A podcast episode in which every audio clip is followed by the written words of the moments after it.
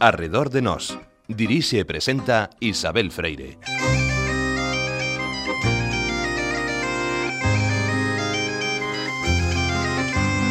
Oxe, as escolas dos americanos. Todos estes días saen os coches abarrotados de xente que marcha para La Habana. Vanse familias enteiras, mozos, vellos, mulleres e nenos. No parador, oense moitos choros dos que se despiden, Deus conserve a súa saúde e lles dé a sorte. Emigran os homes novos fortes e audaces. Os que serían capaces de avalarre o país e modernizalo, incluso de xeito revolucionario. Os que serían capaces de transformar en pola lei da necesidade o ambiente, e de transmitir en Porerdo súas boas cualidades naturais. Queixase, e non sen razón, toda a prensa de Galicia da constante e continua emigración que ali se está levando a cabo.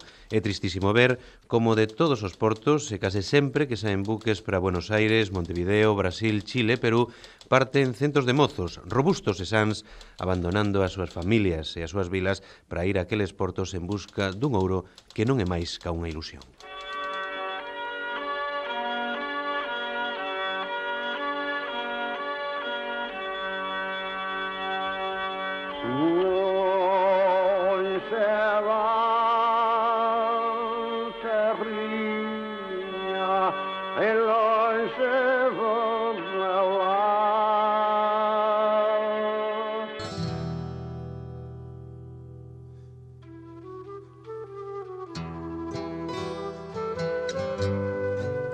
Un dos fenómenos sociais que máis contribuiu a definir a Europa contemporánea foi a emigración por mor do volume de xente que mobilizou. Entre o Ecuador do século XIX e as postrimerías do primeiro cuarto de século XX, máis de 50 millóns de europeos abandonaron os seus países de orixe e marcharon cara a América.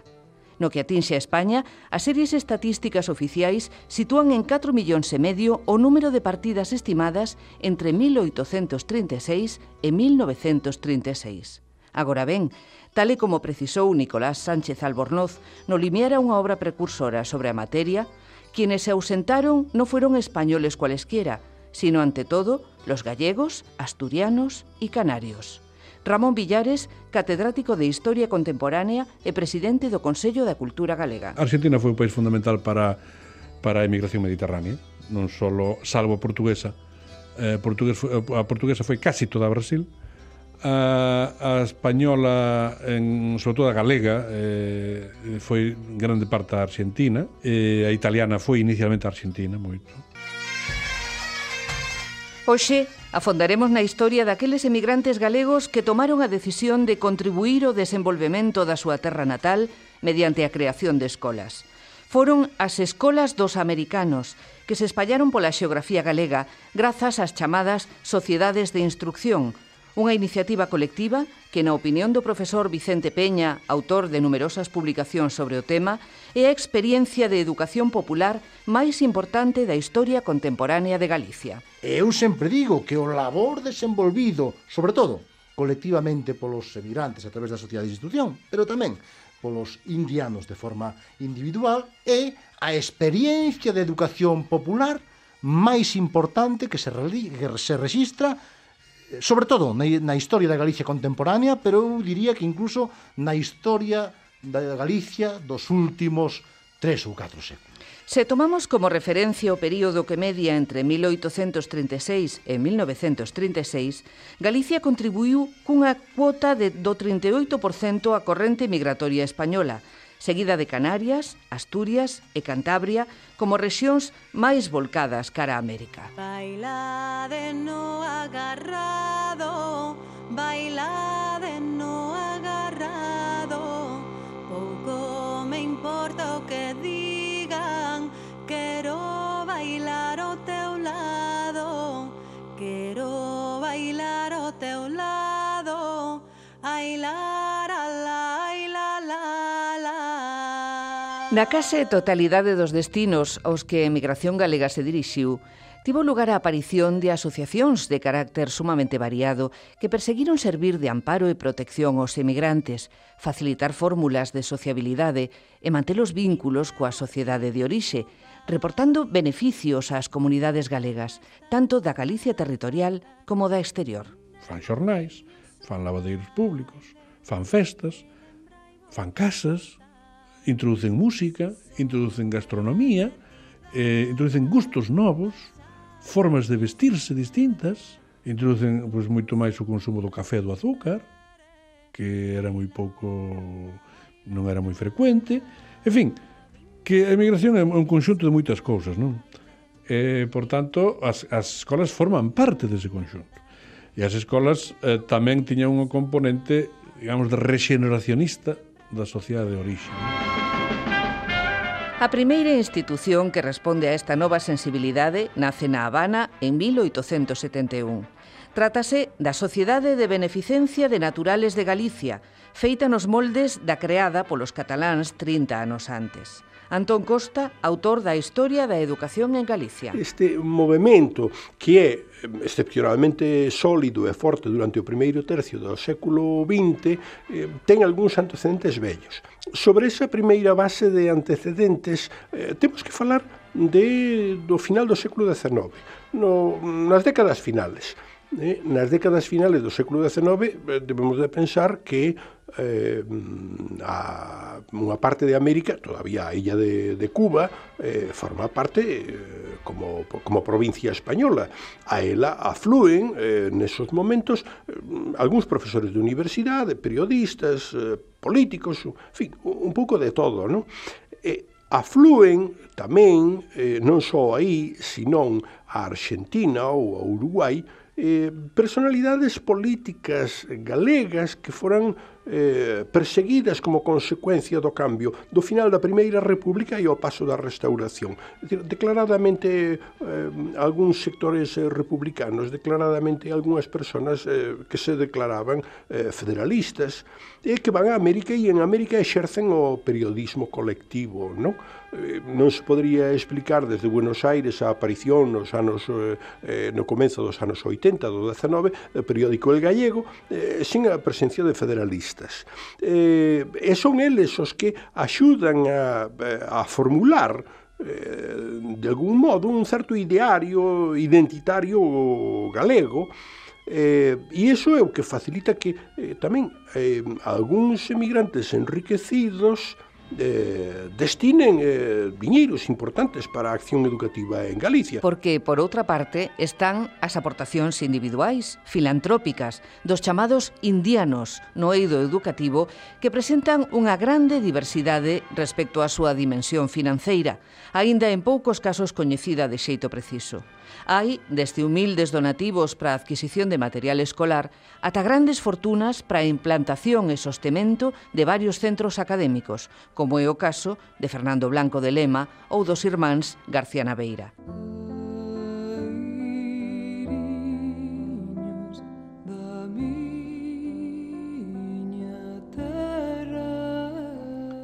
Indianos ou americanos O certo é que estes homes enriquecidos en América contribúen, de xeito altruista, á creación ou mellora dos centros educativos nos seus lugares de orixe. Como escribe o profesor Peña Saavedra, entre as causas seguramente múltiples que motivan a transferencia de remesas materiais e inmateriais cara a súa terra e a creación, xa en datas tempranas, de fundacións de carácter educativo, está o mantemento dos azos de unión dos ausentes coas súas respectivas localidades de procedencia. E o caso de Fernando Blanco de Lema, natural de C. Darío Areas, secretario da Fundación Fernando Blanco de Lema o seu pai morre nada máis nacer el, iso iba a marcar evidentemente a súa vida, e logo toca lle vivir os tristes episodios da Guerra de Independencia, el criouse co seu padriño, que era cura en Mazaricos, os franceses, cando se acercan hacia a Costa da Morte, hai un levantamento popular, popular en Ponte Olveira, en Dumbría, eh, os campesiños da zona se reúnen para tratar de facerlle fronte ás tropas napoleónicas, os franceses vencen esa batalla e deciden eh, asusticiar os cabecillas dese levantamento, un dos cales era a persoa que estaba cuidando a Fernando Blanco. Unha vez que os franceses eh, marchan desta zona, de, da zona de Cea Curcubión, non lle queda máis remedio que ter que emigrar, como miles e miles de galegos, elixe como destino a illa de Cuba, e ali tras anos de traballo montou primeiramente un negocio de ferretería, exportaba moito material a Estados Unidos e todo o diñeiro que gañaba o invertía, era accionista nos principais bancos e compañías, tanto cubanos como norteamericanos. En definitiva, amasou unha importantísima fortuna que no ano 1875, ano da súa morte, que el morre con 78 anos, decide donar prácticamente toda ela ao povo de C para que nel se construa un colexio de primeira e segunda ensino. Airiños, airiños, aires airiños da miña terra.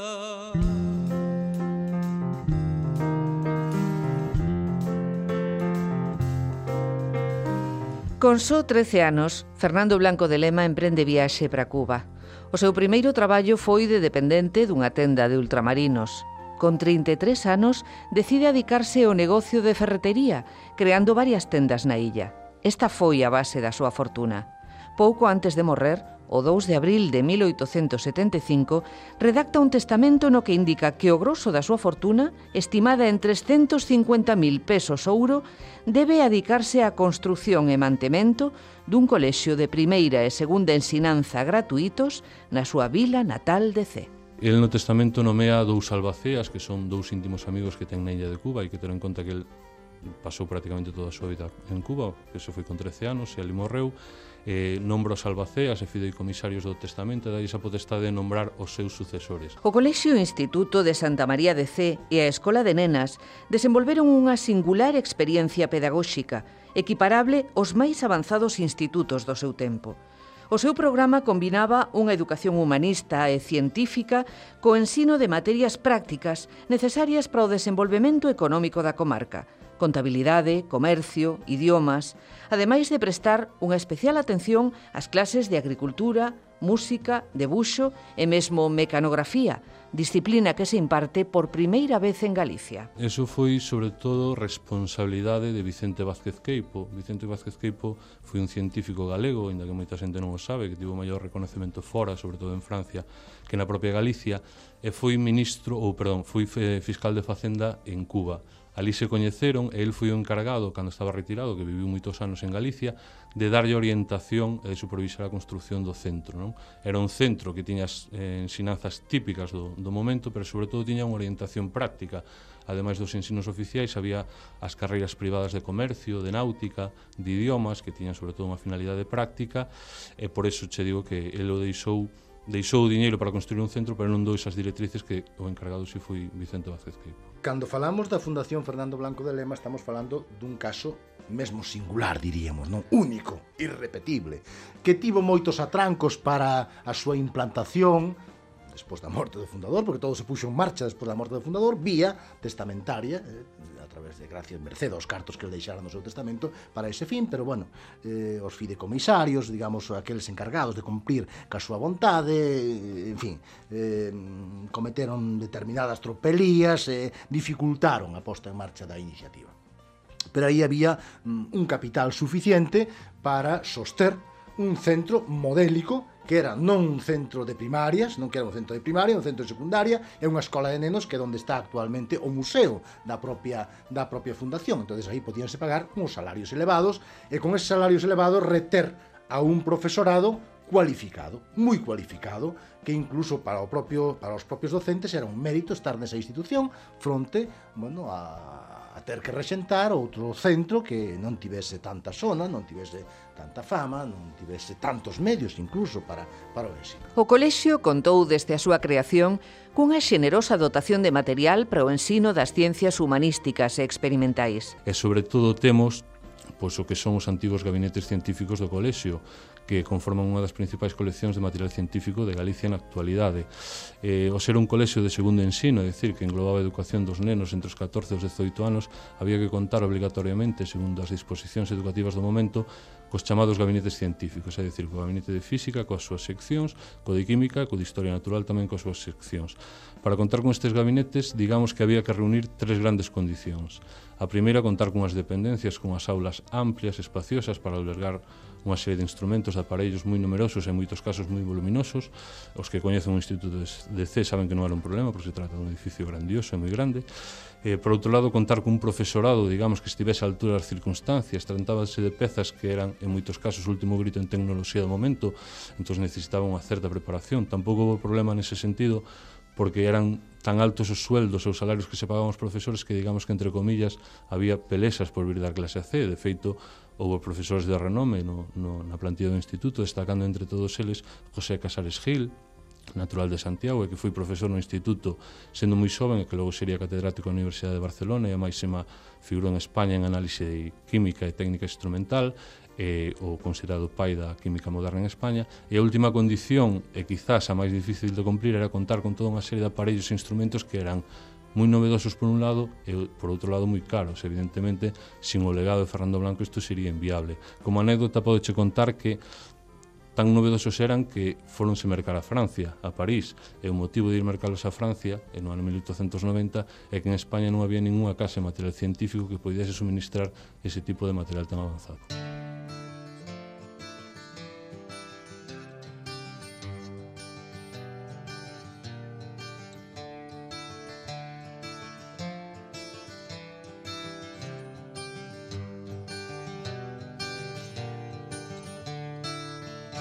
Outro caso emblemático de altruismo é o dos irmáns García Naveira, Juan e Jesús, naturais de Betanzos, que emigraron a Argentina cara a 1870. Eran labregos no momento de partir. Alfredo Erias, director do Anuario Brigantino. E logo fixeron algo moi típico dos galegos. Mercaron terras. Moitas terras baratas eh, nos arredores de Bos Aires eh, o goberno argentino quería colonizar un, moitas terras virxes que había por ali, unha zona o que se chama Pampa Húmeda, algo que tamén a eles lles debía por resultar probablemente próximo a Galicia, e eh, logo houve un elemento que revalorizou esas terras que foi a chegada do ferrocarril a chegada do ferrocarril, a propia expansión da cidade de, Bo, de Bos Aires fixo que eles pois eh, se fixeran moi ricos e finalmente pois eh, lograron o que o que o que teñen na cabeza todos os que se marchan e vemos hoxe na xente que nos vende África, queren volver. Impulsores de negocios exitosos como a Casa Importadora Echegaray, Arriarán e Cía emprenden na terra natal obras de carácter asistencial e educativo de tal magnitude que o Concello de Betanzos, agradecido polos seus múltiples beneficios, solicitou para eles, en 1911, a Gran Cruz da Orde Civil da Beneficencia – En 1925 bautízase a praza, na que eles construíran a súa magnífica casa modernista como Praza García Hermanos. Primeiro, amosar a súa xente que son ricos, isto isto é así, pero logo eh, facer moito ben, eh, dar á xente cousas que les viron, eh, e nese senso me parece que son absolutamente emblemáticos en positivo dos indianos de Galicia. O padroado benéfico docente constituíuse formalmente o 23 de agosto de 1908 a favor de los pobres del Partido Judicial de Betanzos bajo la denominación de Asilo García Hermanos y Escuelas García Hermanos, una doble institución benéfica de patronato particular con el respectivo fin de proporcionar albergue, alimento, vestido y asistencia asistencia médica a los ancianos sexagenarios y alimento, educación y enseñanza a la juventud, tal e como recolle o estudioso Santiago de la Fuente García nun estudio reproducido no Anuario Brigantino. Para elo, estipulan, se construirá dous edificios independentes sobre solar que o efecto cederon os dez concellos do partido.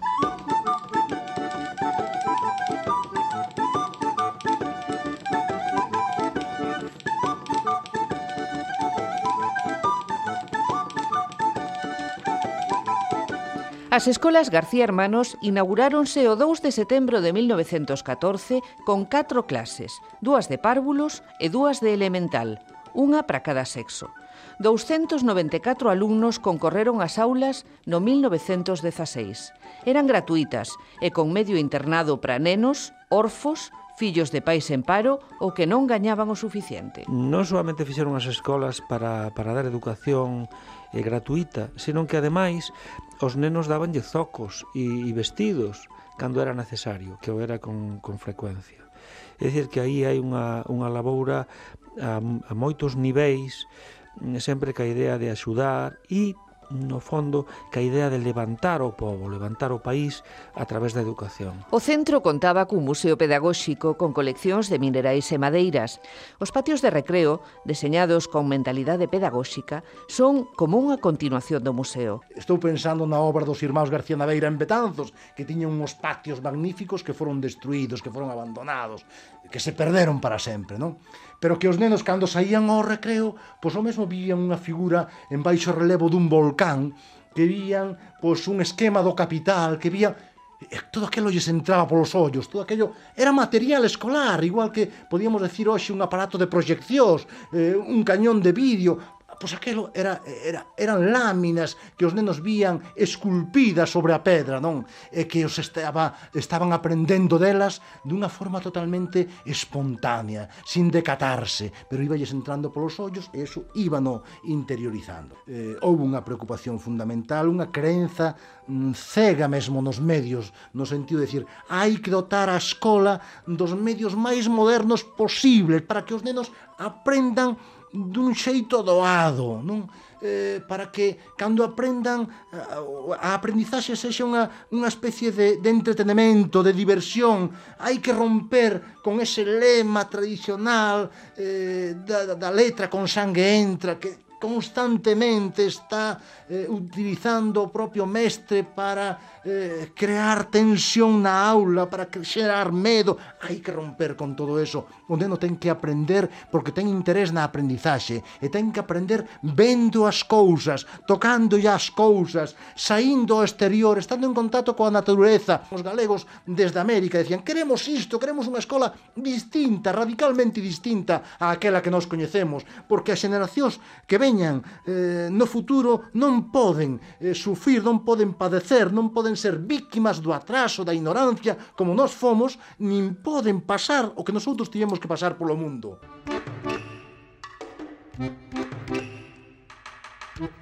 Música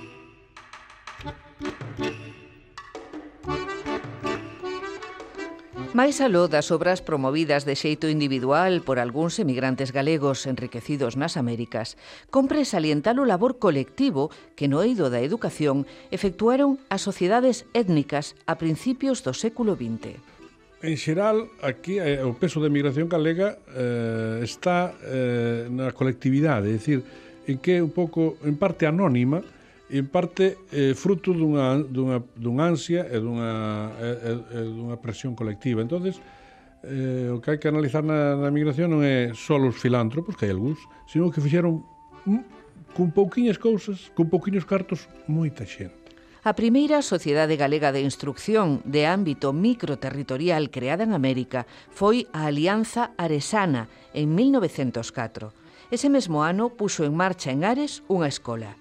E esta é a reflexión que tal feito suscitou en Manuel Curros Enríquez. Se o que fai que a colonia Aresá en Cuba, en beneficio da instrucción da pintoresca aldeíña que todos os seus fillos levan na alma, o fixesen as das infinitas localidades de Galicia que andan dispersas polas cinco partes do mundo, a nosa pequena patria nada tería que envexar en cultura os estados máis prósperos da Confederación Americana do Norte, nin a Bélxica, nin a Suiza na bella Europa.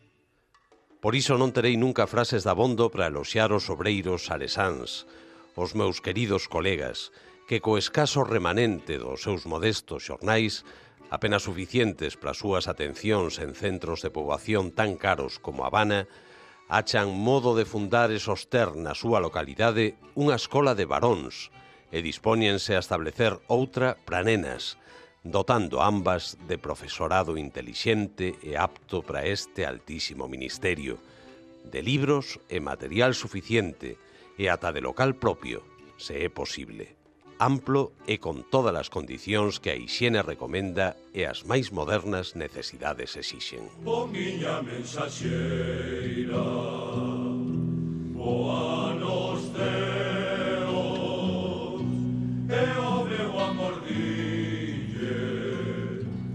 eu sempre espero Ai, alma estás Tamén por esas datas inicia a súa andaina en Bos Aires La Concordia, asociación formada polos emigrados de Fornelos de Ribeira en Salvaterra do Miño e que xa en 1906 contribuíron ao mantemento da escola pública dese lugar.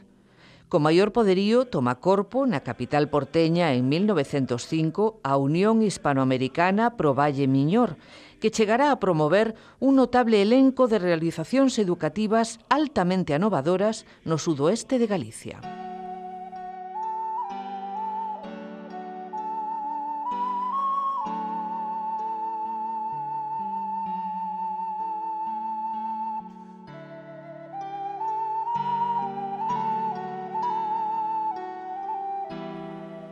Desde o primeiro lustro do século XX, o asociacionismo microterritorial con finalidade instructiva propagouse a un ritmo crecente no mundo da emigración. Hai unha afirmación identitaria, como decía, nestes, nestes termos. Hai o espacio onde poden seguir falando galego, porque fora dese espacio xa saben que, que se incorporan a, a, a lingua española.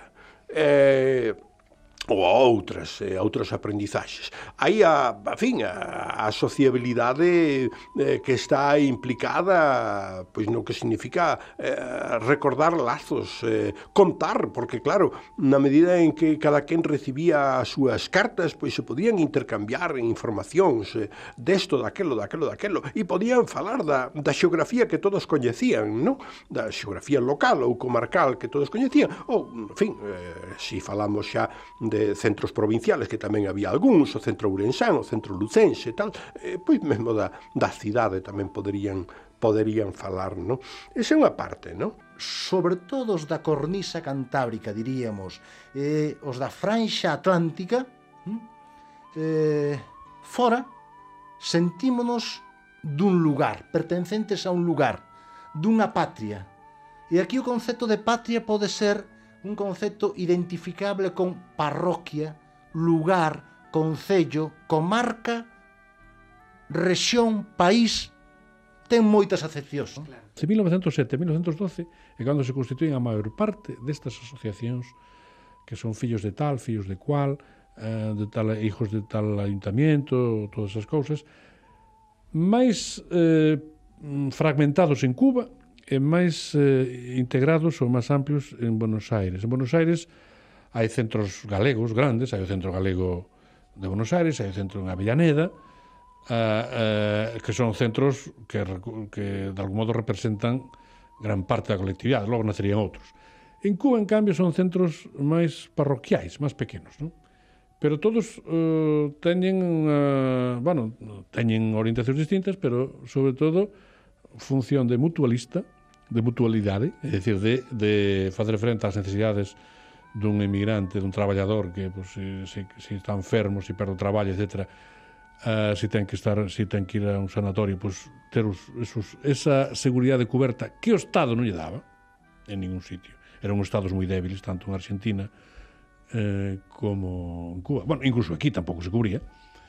Logo, hai unha, hai unha, mm, un, un, tamén un fin de carácter uh, uh, recreativo, benéfico, uh, no sentido de ter lugares para encontrarse uns cos outros, para charlar, para pasar os, os tempos de lecer, para facer bailes, para facer bodas, para presentarse en sociedade. Entón, esta, estas asociacións cumplen moitas funcións. E cumplen logo tamén unha función en parte educativa, non? É dicir, lugares onde hai, pode haber xornais, onde a veces dan clases, Pon darse clases de lingua española para que o inmigrante poida incorporarse facilmente e logo ao final incluso algúns acaban, acaban tendo tamén clases de cultura galega, pero non moita, pero algunha. E é onde reciben os seus, os seus líderes naturais, onde cando vai eh, un poeta, cando vai un escritor, cando, pois é onde son recibidos. Cando vai Basilio Álvarez, por exemplo, a Cuba, que fai unhas campañas extraordinarias, pois é recibido nestes lugares É dicir que son eh, organizacións micros, microsociedades en grande parte, que depois algunhas están agrupadas pois, no Centro Gallego de La Habana ou no Centro Gallego de Buenos Aires, pero que eh, cumplen moitas funcións. Cabería preguntarse pola causa do empeño dos emigrantes en gastar os cartos na educación, en construir escolas nas súas parroquias de orixe. A resposta está na súa propia experiencia, na memoria do que deixaran, nas oportunidades que perderon por falta de instrucción e na admiración que espertou neles ese novo mundo urbán.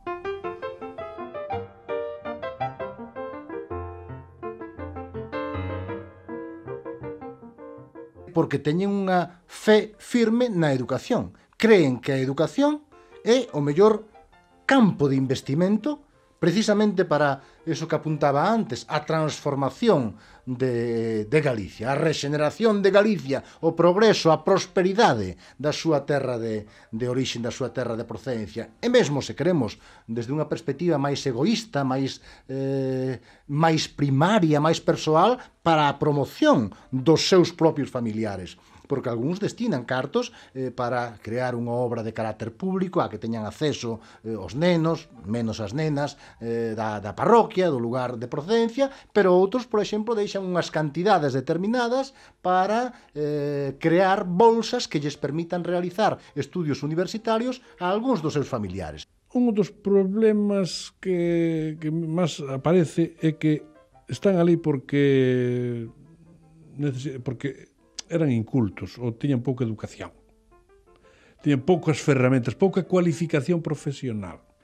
E como superar eso? Mediante educación. Eh, eu creo que na sociedade de instrucción, polo todo o que teño estudiado e examinado, eh, non se fan, non se levan a cabo sen que no conxunto haxa persoas de algún grado de, de politización eh, ou persoas que mm, realizan eh, traballo como, como xornalista. Eh, ahora mismo estou pensando eh, no, en principios de século e volvo a Habana por un momento, Curros Enríquez. Eh, Curros Enríquez eh, traballa eh, decir, de xornalista un, unha temporada pequena, pero é, é acollido pola comunidade emigrante. Como pon de manifesto nos seus traballos o profesor Narciso de Gabriel, as carencias de Galicia en infraestrutura escolar son outro dos factores a considerar para explicar o comportamento dos emigrantes.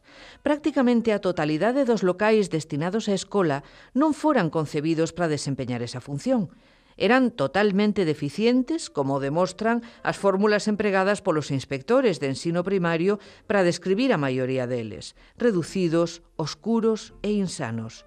O mal estado do mobiliario e a insuficiencia de material didáctico eran tamén notas características da Escola Pública Galega. A principios do século XX, principios do século XX, antonte, hai un século, en Galicia non podíamos falar de escolas como un edificio xenuíno que albergara actividades de carácter académico docentes. Agás, o que eran os colexios privados de fundacións religiosas, e agás o que podía ser algún centro educativo nas cidades. Pero no medio rural de Galicia, e cando digo medio rural, digo medio rural, medio mariñeiro, etc., o 80% de Galicia, digámoslo así, non podemos falar con propiedade de edificios construídos exprofeso a propósito para albergar centros docentes. Onde se ubicaban, onde se emplazaban as escolas? Pois, de ordinario, nas peores casas do lugar. Nas casas que non quería a veciñanza, a veciñanza quería unhas casas, bueno, que reunise unhas, que reunise unhas mínimas condicións de habitabilidade. entonces o que quedaba libre, o que ninguén quería, era o que se podía alugar para, para a escola. Non? bueno, nesas condicións mm, viveu a nosa escola primaria durante moitos durante moitos anos, non? E isto evidentemente marcou tamén, marcou tamén de, de maneira indeleble, diríamos, o recordo eh, o recordo dos emigrantes. Eh, cando iban polo mundo, eles lembraban como era aquela escola a que, que eles frecuentaron, a que asistiron, asistiran ou non, pero que había na parroquia, que había en algunhas parroquias, e o que máis vivo tiñan no recordo daquela escola eran as infraestructuras. Claro que é o que se ve, o que entra polos polos ollos, non? Foi en no ano 1900 cando se creou o Ministerio de Instrucción Pública e Bellas Artes eh, e en 1911 cando se crea a importante Dirección General de Ensinanza Primaria. Eh, esos elementos xunto co eh, con que a administración estatal eh, se fai cargo do pago do profesorado primario, eh, con que mudan os planes de formación do magisterio a partir de 1914. Eh, se a eso unimos a creación da Xunta de Ampliación de Estudios en España en 1907, a través da que eh, se fai posible enviar eh, profesores normalistas, inspectores, homes ou mulleres, e algún profesor primario a visitar e a conocer experiencias pedagóxicas ou eh, centros eh, pedagóxicos en Europa. Eh, todo isto e algúns outros unha maior exixencia da administración pública eh, vai nos dar eh, algúns elementos de partida para saber que eh, durante os anos 10 algunhas cousas empezaban a, eh, a mudar e o panorama comenzaba a ser eh, un chisco diferente. En Galicia precisábanse escolas, porque as que había eran insuficientes para acoller a poboación escolar. Mais aínda se temos en conta a súa diseminación. Pero tamén era preciso que os nenos acudiran, xa que os niveis de asistencia eran moi reducidos. Si vemos nun, nun traxecto desde os anos 80 hasta os anos 30, un traxecto de 50 anos eh, a, a prensa, eh, profesional do magisterio que había ou, a fin, a prensa local ou prensa urbana de, de Galicia é é frecuente a queixa uh, pola, pola, polos problemas que ten os nenos que traballan no campo ou no mar, né? ou na industria, né? ou na industria, eh, que deixan de asistir á escola.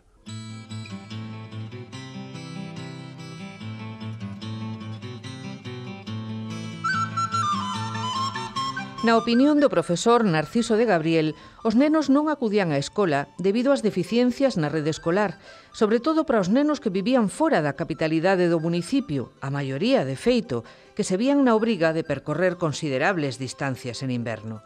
Había ademais mestres incompletos con un mínimo de coñecementos das materias e que practicaban castigos aflictivos. Circunstancias estas que non contribuían a facer atractiva a escola nin os nenos nin os pais. Estaba ademais o traballo infantil a que facía referencia o profesor Costa. En definitiva, non mandan os nenos á escola porque non compensa pagar un coste tan alto por un produto, a instrucción, o que se lle concede escaso valor. Agora ben, Non convén xeralizar esta actitude, como indican as innumerables instancias dirixidas polas xentes do campo ás autoridades educativas, reclamando a creación de escolas ou denunciando o seu mal funcionamento. E entón hai, hai efectivamente eh, cartas de mm, fillo, en fin, de membros da parroquia que se queixan á autoridade do rector eh, que a autoridade administrativa un pouco sobre todo ao conxunto do sistema educativo en Galicia, dicindo eh, eh, un bon número de cartas, eh, dicindo o mestre falta ao seu, ao seu posto de traballo. O sea, que isto é moi frecuente. Eh, é moi frecuente tamén a, a constatación eh, de que eh, di Castelao na viñeta, non? non mamai non quero ir á escola porque total pro que se aprende nun día, eh, eh, queres decir, en moitos casos, pois efectivamente eh, non hai tampouco a conciencia de que a escola vai a aportar algo. Este posicionamento do labrego galego diante da escola experimentará unha certa transformación como consecuencia da corrente emigratoria, porque non son soamente os que emigran os que adquiren conciencia das virtualidades da instrucción. Os que quedan, na medida en que se perciben como emigrantes potenciais, tamén aprenden a valorar a escola. Os galegos reconocían que América podía ser unha, unha terra de oportunidades, eh, mm, eh, e os impulsos máis eh, fortes ao principio era decir, bueno, pois que unha vez os que emigren, eh, digamos que emigren en mellores condicións que a nós, en mellores condicións eh, culturales, de alfabetización, eh, eh, profesionais, eh, de tal modo mesmo que eh, si lles podemos ensinar eh, eh, ensinanzas comerciais, por exemplo, que era relativamente frecuente, eh, nunha escola de Merza, nunha escola de Vilalba, nunha escola de Tomiño, eh, pois cando chegue a América esa persona poderá ter un mellor posto profesional, poder, poderá incorporarse nun segmento eh, profesional que lle ofrezca pois un, un maior rendimento económico. Mm, isto é tamén unha das paradoxas da nosa emigración, en vez de emigrar do rural ao rural, non? Emigrase do rural o urbano, co cal o choque, un choque radical. E ese choque é radical eh, na vida cotiá, evidentemente, pero sobre todo nas mentalidades que conforma, porque dunhas mentalidades pechas, dunhas mentalidades arcaicas, dunhas mentalidades controladas, dominadas polo canciquismo, polas antiguallas, polo dominio, etc., etc., entrase nun mundo no que prácticamente todo é posible, todo está permitido, un síntese libre para creer ou non creer, para eh, comulgar con as ideas ou comulgar con outras, para militar ou non militar. Descúbrese un mundo novo. E un contraste radical e eso fai que se produza un estalido da mentalidade, decir, que se modele unha nova mentalidade, que os emigrantes se vexan sometidos a o que podíamos denominar un proceso secundario de socialización. Socialízase de novo, Entonces, para esa xente que vai para un novo mundo, eh, onde se valora a lectura, a escritura, o cálculo, evidentemente hai que pasar primeiro pola escola. E se non hai unha escola pública a que poder asistir, evidentemente habrá que ir a unha pasantía, habrá que ir a unha escola de Ferrado para recibir unhas clases aceleradas, eh, sair polo mundo porque eso ofrece unhas relativas garantías de triunfo no, no exterior. Cantas escolas se crearon en Galicia pola iniciativa das sociedades de instrucción dos emigrantes? Resulta difícil sabelo, porque algunhas apareceron e desapareceron de xeito fugaz. Os rexistros aínda provisionais ofrecen cifras sorprendentes. De cantos edificios podemos falar hoxe en día? Mm, aproximadamente no caso das, eh, da obra societaria, da Sociedade de Instrucción, podemos falar dunhos 180 cerca de 190 edificios. Uns de nova planta e outros rehabilitados para, para fins académicos. E a estes habría que sumar pois arredor dunhos 50 máis aproximadamente que serían de obra eh, individual, de obra individual. Eh, pero estamos falando de edificios, evidentemente algúns edificios tiñan dúas aulas, outros tiñan tres aulas, e os dos indianos, pois algúns tiñan cinco, seis, sete aulas, é dicir, o número de escolas multiplicábase en moitas en moitas ocasións, non? É, é un fenómeno moito máis da orla marítima que do interior. Eh, diríamos esta primeira cousa. E en Ourense, occidente de Ourense eh, occidente de Ourense. Así como xa eh, camiñamos de eh, Allariz, Xinzo eh, e vamos cara a Berín eh, e o barco eh, hai algunha, pero pouca cousa eh, nas terras de occidentais dende a Peroxe e o Ribeiro eh, e ata, sí, eh, por aí hai, hai un bon número eh, tamén de, de escolas, un pouco a xeografía, o sea que hai unha gran parte de Galicia que está, eh, é raro o, o Concello que non ten eh, alguna, alguna iniciativa. Non? Eh,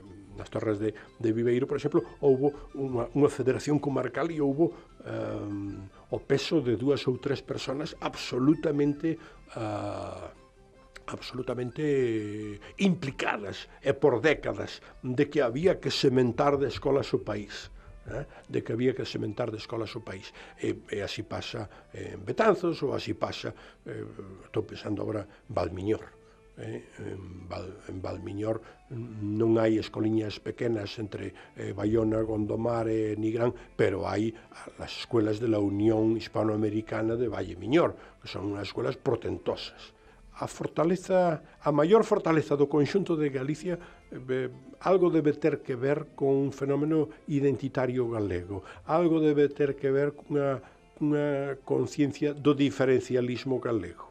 Eh? Na, na fala, nos costumes, eh, eh, bueno, os galegos somos galegos.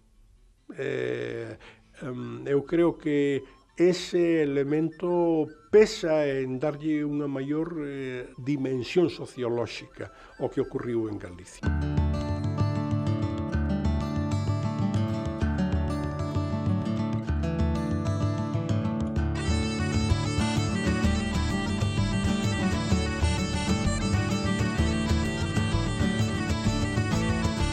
As sociedades de instrucción non compartiron un ideario pedagóxico, nin asumiron un proxecto de acción educativa unitario, pero en xeral coinciden en proclamar como tarefa propia difundir o ensino no ámbito territorial o que cada unha representa, en especial o nivel elemental, con fin de menguar os déficits da escola pública.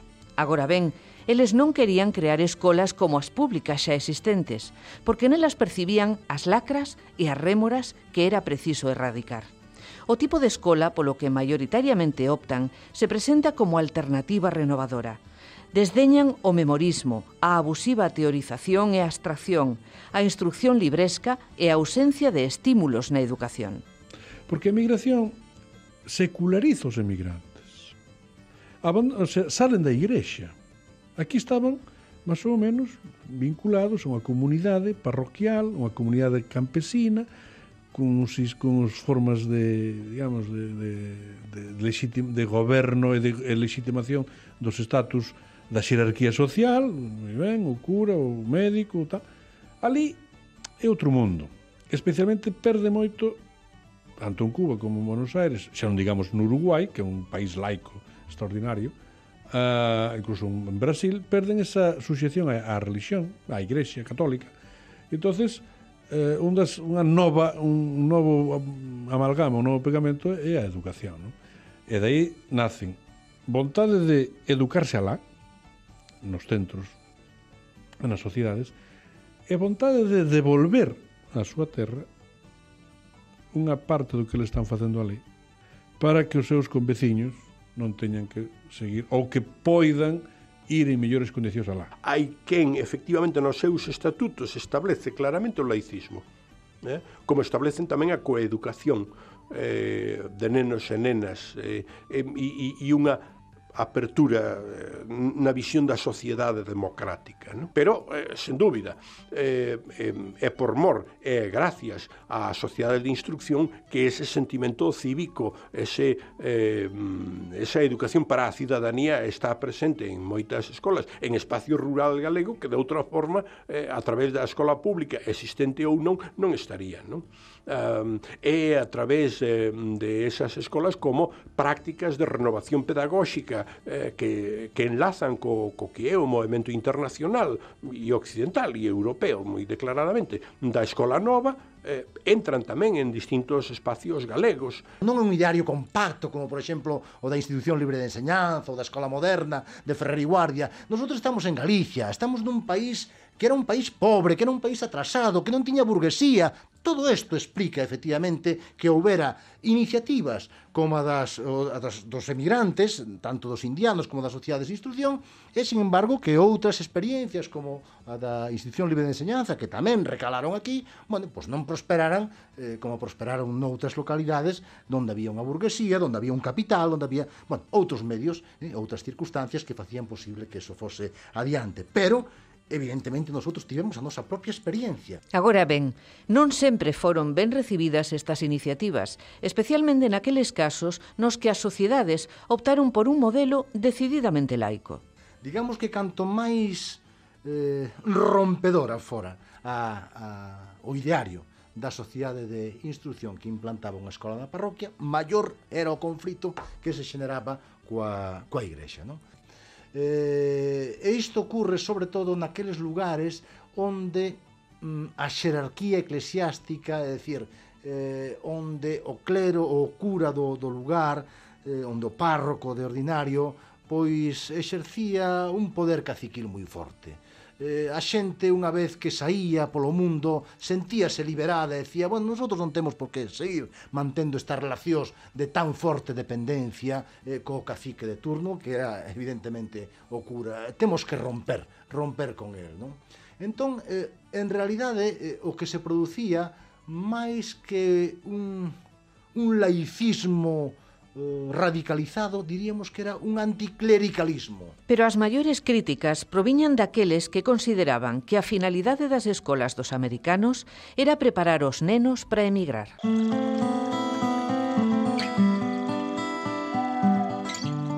Digamos que as élites cultas galegas, un pouco distantes, moito aparentemente moi europeístas, eh, despreciaron a América especialmente despreciaron a emigración na época da xeración nós, dos, dos, dos, en fin, nos anos 20, 30, e incluso despois. Houve unha visión bastante miserabilista de emigración, negativa, pesimista, despectiva. Claro, os emigrantes ante unha situación desta naturaleza, ante críticas desta naturaleza, que chegaban ás as veces a eles a través de segundas mans, non? Eh, reaccionan, reaccionan a través dos seus intermediarios e din, bueno, pero que, que queredes que fagamos nosotros? Que cambiemos o mundo da noite para a mañá? Nas súas mentalidades estaba transformar Galicia, cambiar Galicia, rexenerar Galicia. Pero que os procesos de rexeneración non se poden producir da noite para o día, dun día para o outro. É completamente imposible. Investir en educación era un medio que eles entendían idóneo, máis aínda, óptimo para co paso do tempo, precipitar ese cambio que estaba a necesitar Galicia. Por eso digo, efectivamente, eu creo que non sempre recibiron o respeto, a consideración, eh, non sempre foron mesmo agasallados como deberan polo labor que desenvolveron eh, en pro de a prol de Galicia, non? E aí empeza un certo debate que desde a América Ah, recolle eh, nos anos 20 a Federación das Asociacións Culturais eh, de Buenos Aires, non? Eh, de tal modo que desde a Federación e aquelas asociacións que aparecen agrupadas á altura de 1925 en eh, conclusións congresuais deciden que eh, as escolas eh, pertencentes a eh, a Federación de Sociedades eh, Agrarias e, eh, e Culturais eh, nas escolas eh, os nenos han de saber algo de historia de Galicia de xeografía de Galicia han ler textos en, en lingua galega eh, han saber algo eh, fin, das posibilidades eh, do país, porque efectivamente non se trata, non se debería tratar de preparar para eh, unha mellor instalación eh, profesional na emigración, sino que se debería abordar o que é eh, o futuro, o presente e o futuro de Galicia. Quen fai os, os, os monumentos dos mártires do Carral? Quen presiona para que se estrene o himno? Quen pide, temos que necesitar unha bandeira? Os emigrantes, os daqui non, os señoritos daqui da Coruña, de Santiago, os fidalgotes de Ourense, de Lugo, non pedían eso. Estaban moi contentos como estaban. Non pedían eso. Ou pedíano coa boca pequena. Os emigrantes sí que o pedían. Este é o seu gran labor. E isto é o que, eh, aínda con moitas dificultades, non se lle recoñece na actualidade. Porque ainda sigue pensando ese cliché de que a emigración é unha renuncia a toda a Revolución Galicia. É, é, é un cliché de Castelao de que en Galicia non se pide emigras. Ai, mamá, eu non quería morrer alá. Está o señor deitado na cama cun cancro. É verdade que a emigración tuvo fracasados, claro, como toda emigración. Tamén hai fracasados aquí. Como sería Galicia sin emigración? Moito peor. A sociedade Ferrol e su comarca declaraba en 1911 aspiramos a establecer y sostener una escuela modelo en cada municipio de la comarca ferrolana. Escuelas dignas de nuestra tierra y de nuestro siglo, modeladoras de hombres fuertes, cultos, libres y bondadosos. Queremos que en ellas entren a raudales la luz y la alegría, y con la alegría y la luz, cuanto de arte, ciencia, salud y amor podamos llevar a esos pequeñuelos, que deben ser los precursores de una nueva era, de una humanidad.